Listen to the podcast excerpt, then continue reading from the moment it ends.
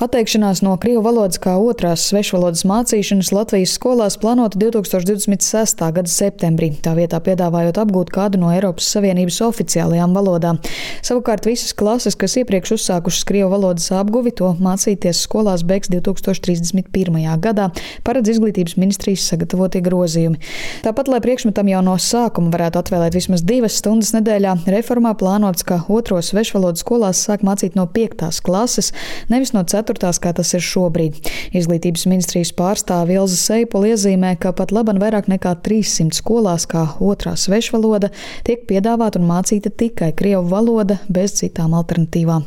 Joprojām lielākajā daļā skolu, kā otrā svešvaloda, ir tikai krievu. Pēdējā laikā šis skaits ir mazliet samazinājies uz apmēram 44%, kā vienīgo otro svešvalodu nodrošina tikai krievu valodu. Un es šeit gribu tomēr arī teikt, ka daudz skolas arī īsti nav meklējuši gadu gaitā risinājumu, nu kā varētu tomēr arī to otro svešvalodu nodrošināt, jo vienkāršāk ir iet to uzsākto ceļu, un šeit nav runa tikai par par skaitliski mazajām skolām. Starp šīm skolām bija arī dažas vidusskolas.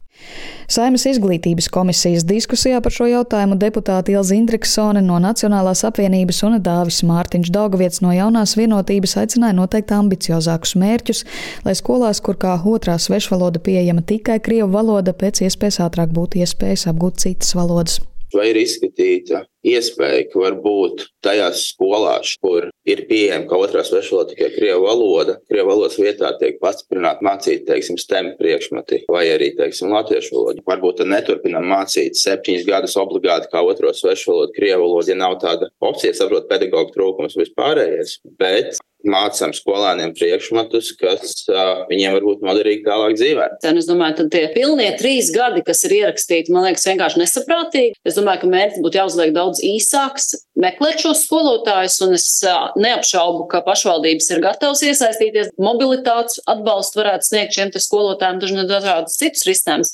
Bet, ja nav mērķa, tad arī nav risinājumu. Tā kā, manuprāt, 28. gads ir pilnīgi nepieņemams šajā brīdī. Gan skolas, gan pašvaldības norādījušas, ka lielākais lielākais izaicinājums šajā reformā ir pedagoģa pieejamība citu valodu, kā vācu vai franču mācīšanai skolās. Latvijas izglītības vadītāja asociācijas priekšsēdētājs Siguldas valsts ģimnāzijas direktors Rudolfs Kalvāns saka, ka šai reformai atšķirībā no citām ir dots saprātīgs pārejas periods. Tiesa gan pagaidām no ģimeņa puses nav novērojama masveida interese atteikties no krievu valodas apguves.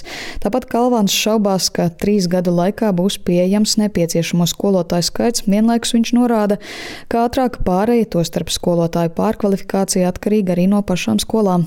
Mums ir tik slikta pieredze ar lielām reformām, projektu ieviešanu, saturu un visādām citām pārējām mūsu nozarē, ka nekādā gadījumā nekāda termiņu samazināšanas un, un steidzināšanas šajā jautājumā kategoriski nedrīkst būt ja šī pārkvalifikācija novadā pedagoģi franču, vācu, itāļu, spāņu. Diemžēl ar visiem šiem trīs gadiem nebūs notikusi. Tur vienkārši meklēt um, alternatīvas, ja, kā apvienot grupas, kā nodrošināt varbūt ārpakalpojumu līgumus ar uh, mācību centriem, ar augstāko izglītību.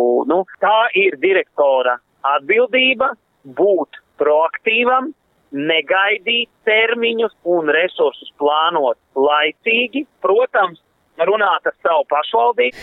Lai Latvijas skolas atteiktos no krievu valodas kā otrās svešvalodas, tuvāko trīs gadu laikā būtu jāsagatavo 350 līdz 400 pedagoģi.